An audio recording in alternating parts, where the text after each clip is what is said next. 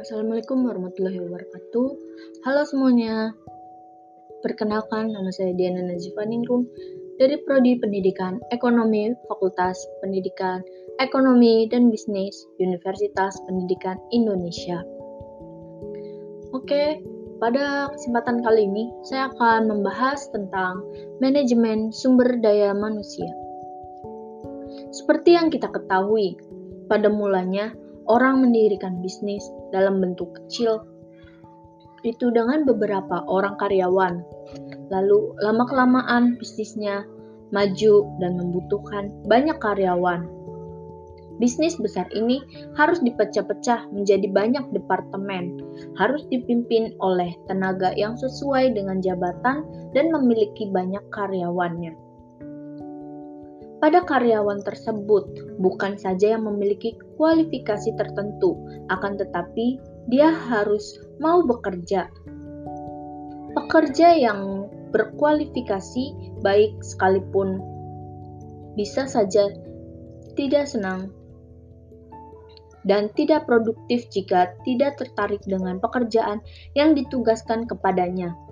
Seseorang pekerja yang efektif ialah orang yang tertarik dan senang dengan jabatannya, mau memperbaiki cara kerjanya, mau bekerja sama dengan orang lain, atau dengan kelompoknya.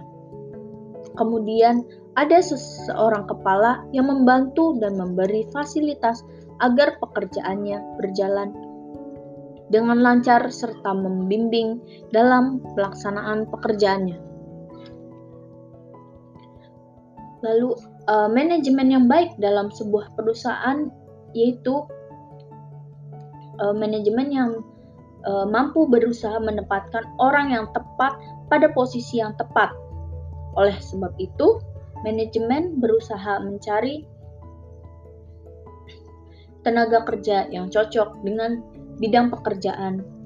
Kemudian melatih mereka, memotivasi, mengevaluasi dan memberi kompensasi ini adalah merupakan penentu keberhasilan suatu usaha. Lalu uh, di sini saya akan menjelaskan juga tentang uh, fungsi dari human resource atau sumber daya manusia. Ada enam fungsi dari human resource ini. Yang pertama ialah merencanakan kebutuhan staff yang kedua, mencari dan merekrut karyawan dengan kualitas yang terbaik. Lalu, melatih dan mengembangkan potensi yang ada dalam dirinya tersebut.